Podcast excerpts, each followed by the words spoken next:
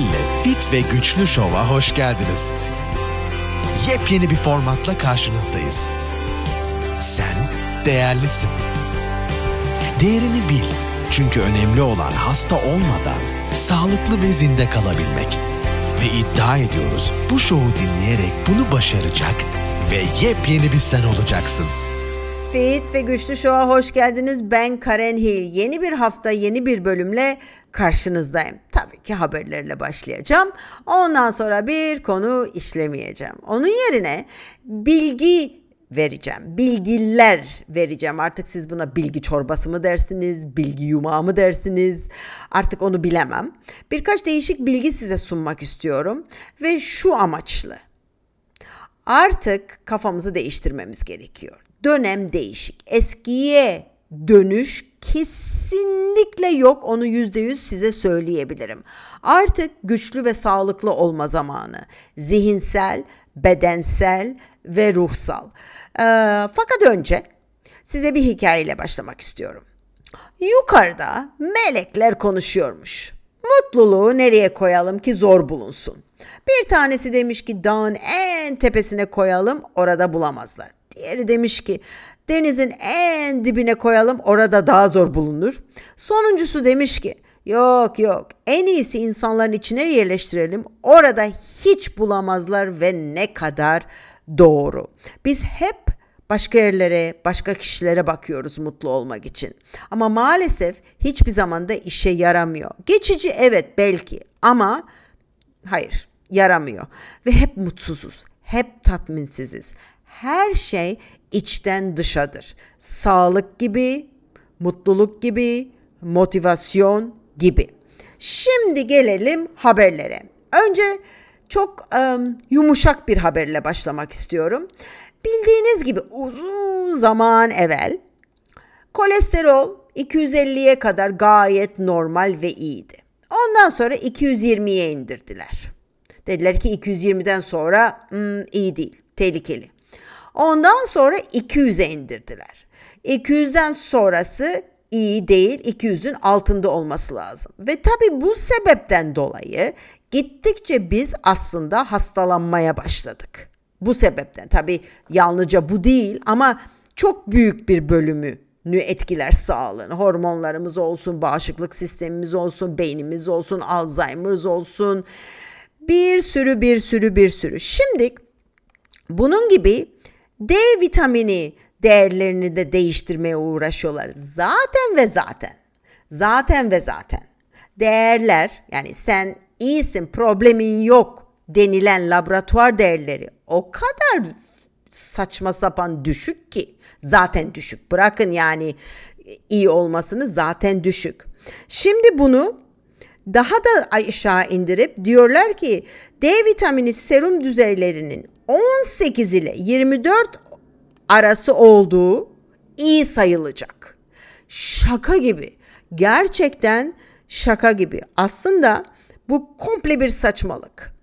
Ve o zaman ne olacak? İnsanlar diyelim ki 20 çıktı vitamin D değerleri. Aa sen gayet iyisin. Hadi bay bay diyecekler. Ve bu sağlığımıza müthiş negatif negatif bir etkisi olacaktır. Zaten oluyor. Zaten yakalanmıyor. İşin komik tarafı zaten D vitaminlerinin seviyelerini de artık hani zorla bakılıyor. E, istiyorsun. Otomatik değil artık. Halbuki biliyoruz ki e, biz normalde 50 ile 70 arası deriz. Normal bir insan için 70 ile 90 arası da e, kanser hastaları için. Aslında biliyoruz ki 55 ve üstü seviyelerinde kanser riskinin azaldığı ve sağlığın da geliştiğini biliyoruz yani bu düzeylerde. Şimdi bu tabii ki çok çok üzücü. Dikkat edin. Yani bütün amaç aslında biliyor musunuz? Bizi gerçekten hasta etmek. Zaten diğer başka haberlerimle de e, ve bilgilerimde de bunu göreceksiniz. O bakımdan uyanın diyorum size. Gerçekten uyanın. Şimdi gelelim ikinci haberimize. Biliyorsunuz iki sene evvel evet iki sene evvel e, aşı çıktı ve e, Türkiye'ye de geldi tabii ki Pfizer'ın aşısı ve o zaman tek değerlikliydi. Biz buna tek değerlikli deriz. Monovalent yani tek değerlikli. Yani bir varyanta karşı tamam mı? Bu tek değerlikli Moderna ve Pfizer aşılarının ABD'de kullanım izni artık kalktı.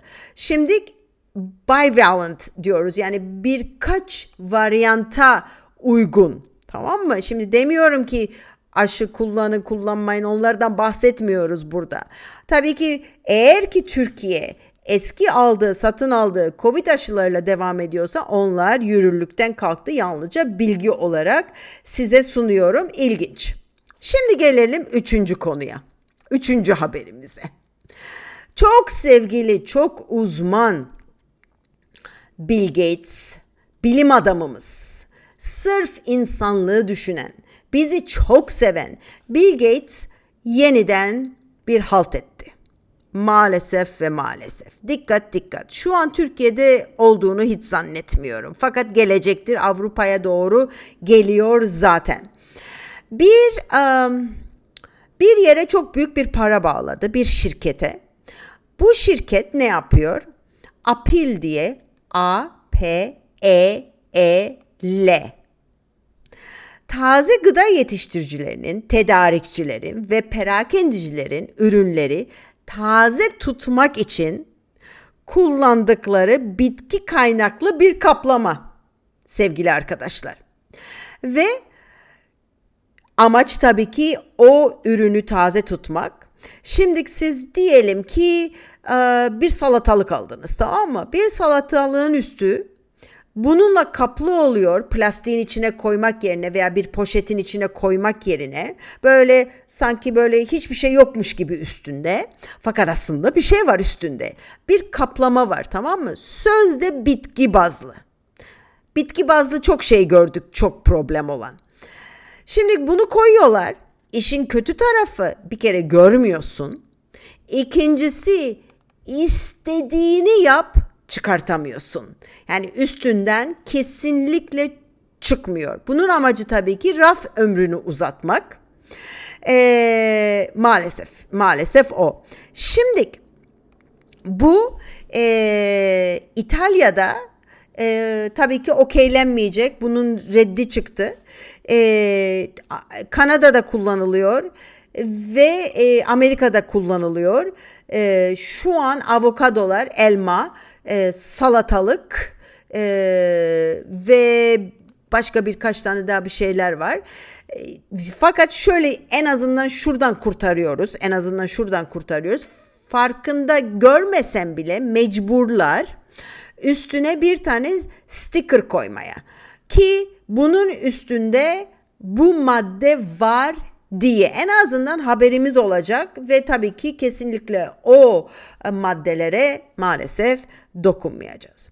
Dördüncü haberimiz ben bunu geçen hafta da söylemiştim ben yeniden söylüyorum. Dediğim gibi durum dünyanın durumu çok ters ve çok garip bir yöne gidiyor tamam mı? Güzel bir tarafa gitmiyoruz.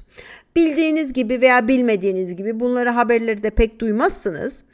Ee, Birleşmiş Milletler destekli yeni yasal tavsiye şu. Reşit olmayanlarla cinsel ilgi, ilişki kabul edilecek ve normal. Orada nokta alıyorum bırakıyorum çünkü bunun içine girersem çok sinirleneceğim ve çıkamayacağım. Onu başka bir e, bölümde konuşabiliriz veya bir gün Instagram'da konuşabiliriz. Bakacağız. Beşinci haberimiz. Sahte et. Sahte et piyasalarda. Ee, sahte et piyasalarda e, nasıl bir sahte et? Bu vegan etlerden bahsetmiyorum. Sahte et yani gerçek tavuğa benzeyen yani bir baktığın zaman bir tavuk göğsü gibi gözüken veya bir bonfile gibi gözüken sahte et ve maalesef FDA onayladı. FDA onayladı ne onayladı ne demek? Bütün ülkeler okeyleyecek demektir. Yani hemen üstüne atlayacağız demektir bence. Şimdi nasıl bunu yapıyorlar? Hayvanlardan hücre alıyorlar. Kas dokusu hücresi alıyorlar ve laboratuvarda o kas dokusu hücrelerini resmen besleyerek et, yeşit, et yetiştirebiliyorlar. Bu, bu duruma geldik arkadaşlar. Muhteşem. Ee, gerçek et gibi gözüküyor. Ve insan tük ve ilk defa e, FDA şunu dedi. insan tüketimi için güvenli dediler. Ne mutlu bize. Ve maalesef bunu bilemeyeceğiz. Yani gerçek et mi yiyorsun restoranda? Gerçek tavuk mu yiyorsun? Sahte tavuk mu yiyorsun? Yani o durumdayız. Ve tabii ki beslen, besin açısından aynı olmayacak. Onu kesinlikle biliyoruz vitamin ve mineral değerlerinde. Ve çalışmalar da şunu gösteriyor ki 2040 yılına kadar yani o, o zamanlara kadar yiyeceğimizin etin %60'ından fazlası laboratuvarda yetiştirilen veya sahte et olacağını gösteriyor. Ya vegan et dediğimiz saçmalık ya da laboratuvarda ete benzeyen sahte et. Ve şunu da söyleyeyim. E, Amerika'da tabii ki biliyorsunuz e, bilmiyorum Türkiye'ye geldi mi onu bilmiyorum. Avrupa'da vardır diye düşünüyorum. Bu bu vegan etler. Et e, tadı kokusu et gibi ama vegan. E, işte biz bunlara işte impossible burger diyoruz, beyond burger diyoruz vesaire. Sözde sebzelerden yapılmış. Eee başka ülkelerde yaşayanlara bir teklifim var. Gidip alın bir tane ve almayın arkasını döndürün bir resmini çekin. Ondan sonra gidin bir de köpek kuru köpek mamasının arkasının resmini çekin. Bakın bakalım aynısı mı değil mi? Aynısı. Yani resmen köpek maması gibi. Yani onu kusura bakmayın ama doğruya doğru. Yani içi yalancı. Yalancı yiyecek. Başka ne diyebilirim ki? Şimdi gelelim altıncı haberimize ve buradan zaten bilgilere geçeceğim çünkü bu da bir bilgi. Şimdi ben 30 senedir bu meslekteyim. Ee, çok uzun zaman oldu okula gittiğim, öğrendiğim vesaire. Ve bu size okuyacağım bilgileri biz o zaman zaten biliyorduk. Tamam mı? Fakat şimdi düşünün ki 15 Mart 2023'te hükümet bazı belgeleri yayınlamak zorunda kaldı. Mecburi. Yani hatta yayınlamak istemiyorlardı. E, mahkemeye gidildi ve yayınlamak zorunda kaldılar. Florür hakkında. Ve şimdi e, biz hep diyorduk. Hani bize komplo teorist falan diyorlardı tamam mı? Hep diyorduk zaten. E, florür bir nörotoksindir. Florür çok tehlikelidir. Yok iyidir, yok dişler içindir, muhakkak önemlidir, vücuda gereklidir vesaire vesaire. Bunlar zehir. Tabii ki şimdi bu kağıtlar bunu gösteriyor ki, bu belgeler bunu gösteriyor ki florür çocukların IQ'sunu baya baya düşürüyor ve bu ilişkide zaten kanıtlanmış durumda. Amerikan Tabipler Birliği ve Harvard Üniversitesi'nden Harvard Üniversitesi'nden çocuklarında düşük IQ'lü hamile annelerin florül alımında ilişkilerin bir çalışma yayınladı. Yani yani anne hamilelikte florlu diş macunu kullanıyorsa veya sudan normal musluk suyundan vücuda geçmişse maalesef çocuğun IQ'sünü değiştiriyor. Şimdi ben size bazı florür gerçeklerini e, söylemek istiyorum. Florür gübre ve alüminyum endüstrisinin atık bir yan ürünüdür arkadaşlar. Ha bir daha okuyayım size. Florür gübre ve alüminyum endüstrisinin atık bir yan ürünüdür. Florür hem sarin sinir gazı ki biliyorsunuz bunlar e, biyolojik e, silahlardır. Sarin sinir gazının hem de hem de hem de prozan temel bir bileşenidir. Prozak arkadaşlar. Prozak arkadaşlar. Anladınız değil mi? Başka bir bilgi florür konusunda bu her yerde yazar ama biz hep bunu şey olarak okuruz. Yani daha doğrusu başkaları bunu böyle işte komplo teorisi, komplo teorisi. Na, nat, naziler hapishane kamplarında mahkumları uysal, itaatkar olmaları ve IQ'lerini de düşürmeleri için florür kullanırdı. Ayrıca florür böcek ilacı olarak da kullanılır. Hani söyleyeyim o bakımdan senelerce senelerce bize yok efendim florlu, e, florüllü diş macunudur, yok efendim musluk suyu içebilirsiniz bir problem yoktur. E, e floru biz zaten e, suya katıyoruz sizin iyiliğiniz, dişleriniz için işte şudur da budur da boş şeyler. Boş şey de değil. İşin kötü tarafı hiçbir işe yaramıyor olsa problem yok. Ama bizi bu hale getiriyor. Yavaş, yavaş, yavaş, yavaş bizi mahvediyor. İşe yaramaz hale geliyor. Harika bir olay işe yaramaz hale gelmek. Çok kolay kontrol edilebilirsiniz. Çok kolay. Şimdi bu haberlerle devam bir bilgiydi. Bilgilerime devam etmek istiyorum. Bana çok soru geliyor. Hamilelik, hamilelikte nasıl beslenilir vesaire. Ben genelde şunu söylerim. Önce hamileliğe gelmeden ne yaptığınız önemli, nasıl hazırlandığınız önemli. Çünkü hamilelik için kaliteli, sağlıklı bir vücut gerekli. Eğer öyle değil ise hem annede hastalıklar oluşuyor hamilelik zamanı hem de bebekte problemler oluyor. Önce maratona hazırlanır gibi hamileliğe aslında hazırlanmak gerekir. Yani hamileliği taşıyacak evin çok düzgün ve kaliteli ve sağlam olması gerekir. Fakat burada protein çok önemli. Özellikle tabii hamilelik evveli de çok çok önemli. Fakat hamilelik sırasında da çok önemli. Tabii ki karbonhidrat ve yağ da önemli fakat protein çok çok önemli. Protein çünkü yapı taşıdır. İdeal olarak hamile kadınların her gün yaklaşık 100 gram proteine ihtiyacı vardır. 100 gram ne demek biliyor musunuz? 3 öğün hayvansal gıda demek.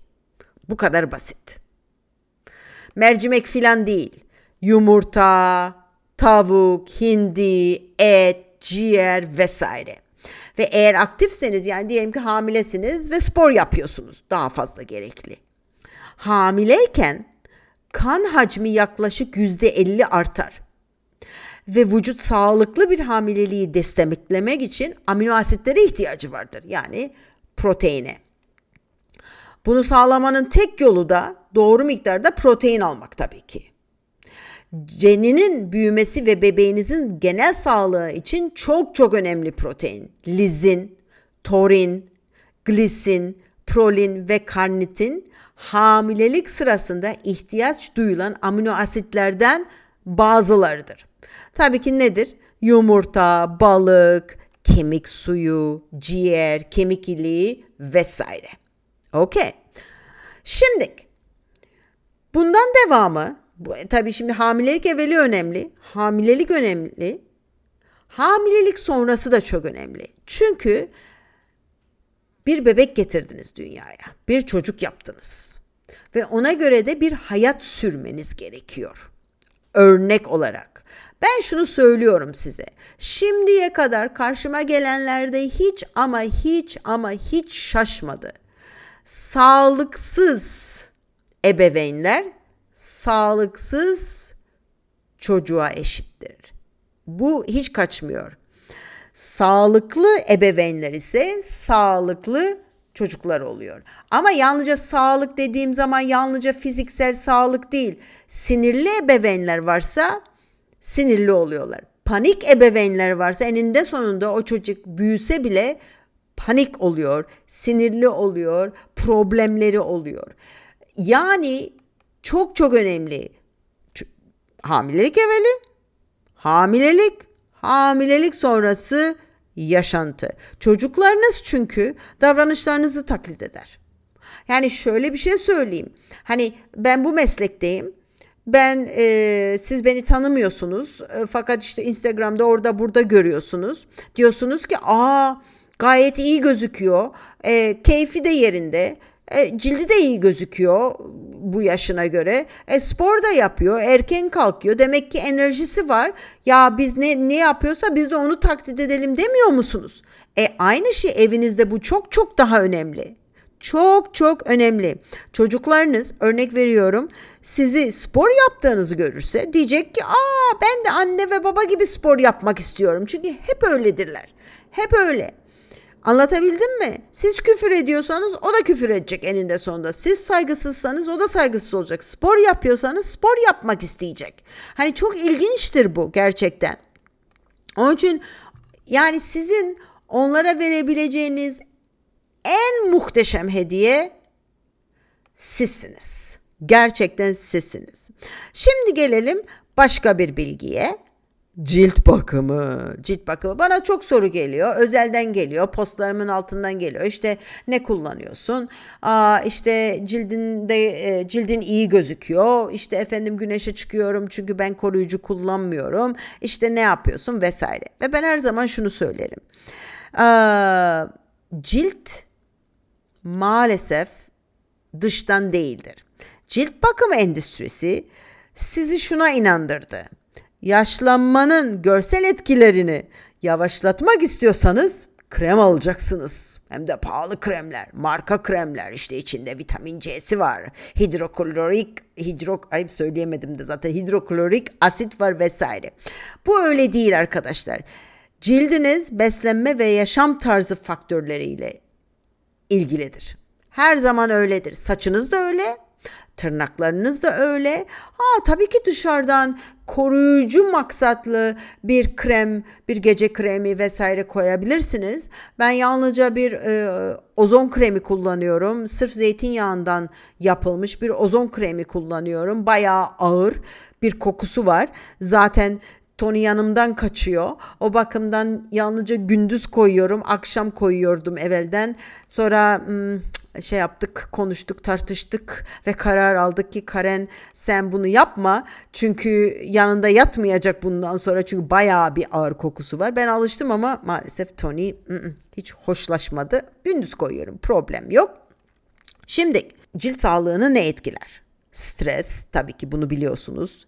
Yetersiz kolesterol çünkü cildimiz ondan yapılmıştır kolesterol. A ve E vitamini eksikliği, alkol, ve sigara.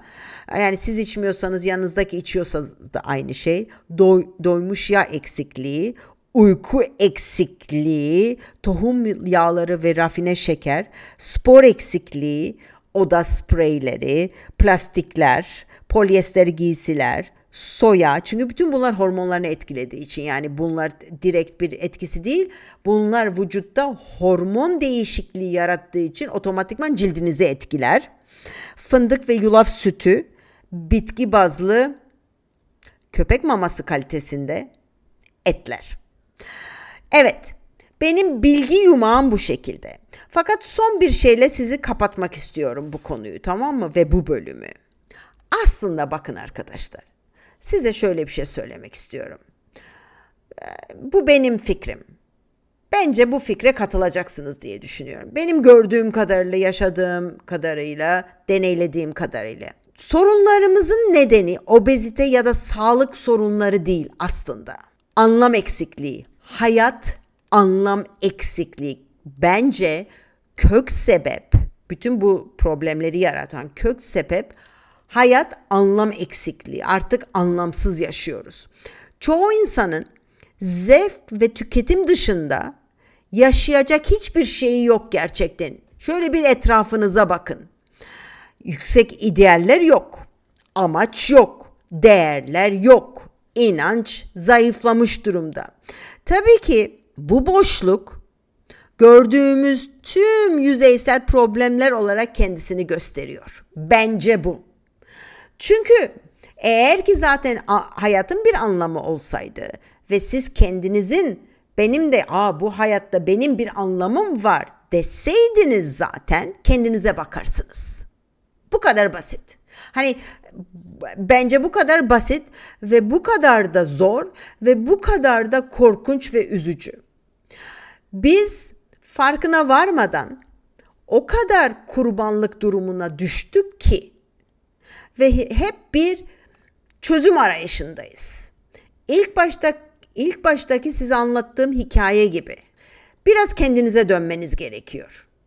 Kendinize dönebilmeniz için Allah'a dönmeniz gerekiyor. Bu benim fikrim. Benim gördüklerim, benim deneyimlerim, karşıma gelenlerle vesaire konuşmalarım. Herkes bir problem yaşıyor. Kendinize dikkat edin. İnşallah bu bölüm hoşunuza gitmiştir. Gelecek hafta görüşmek üzere. Bay bay. Karen Hill'le Fit ve Güçlü Show'u dinlediğiniz için teşekkür ederiz. Sağlıklı ve güçlü olmak, ayrıca sağlıklı kalmak için bizi takipte kalın.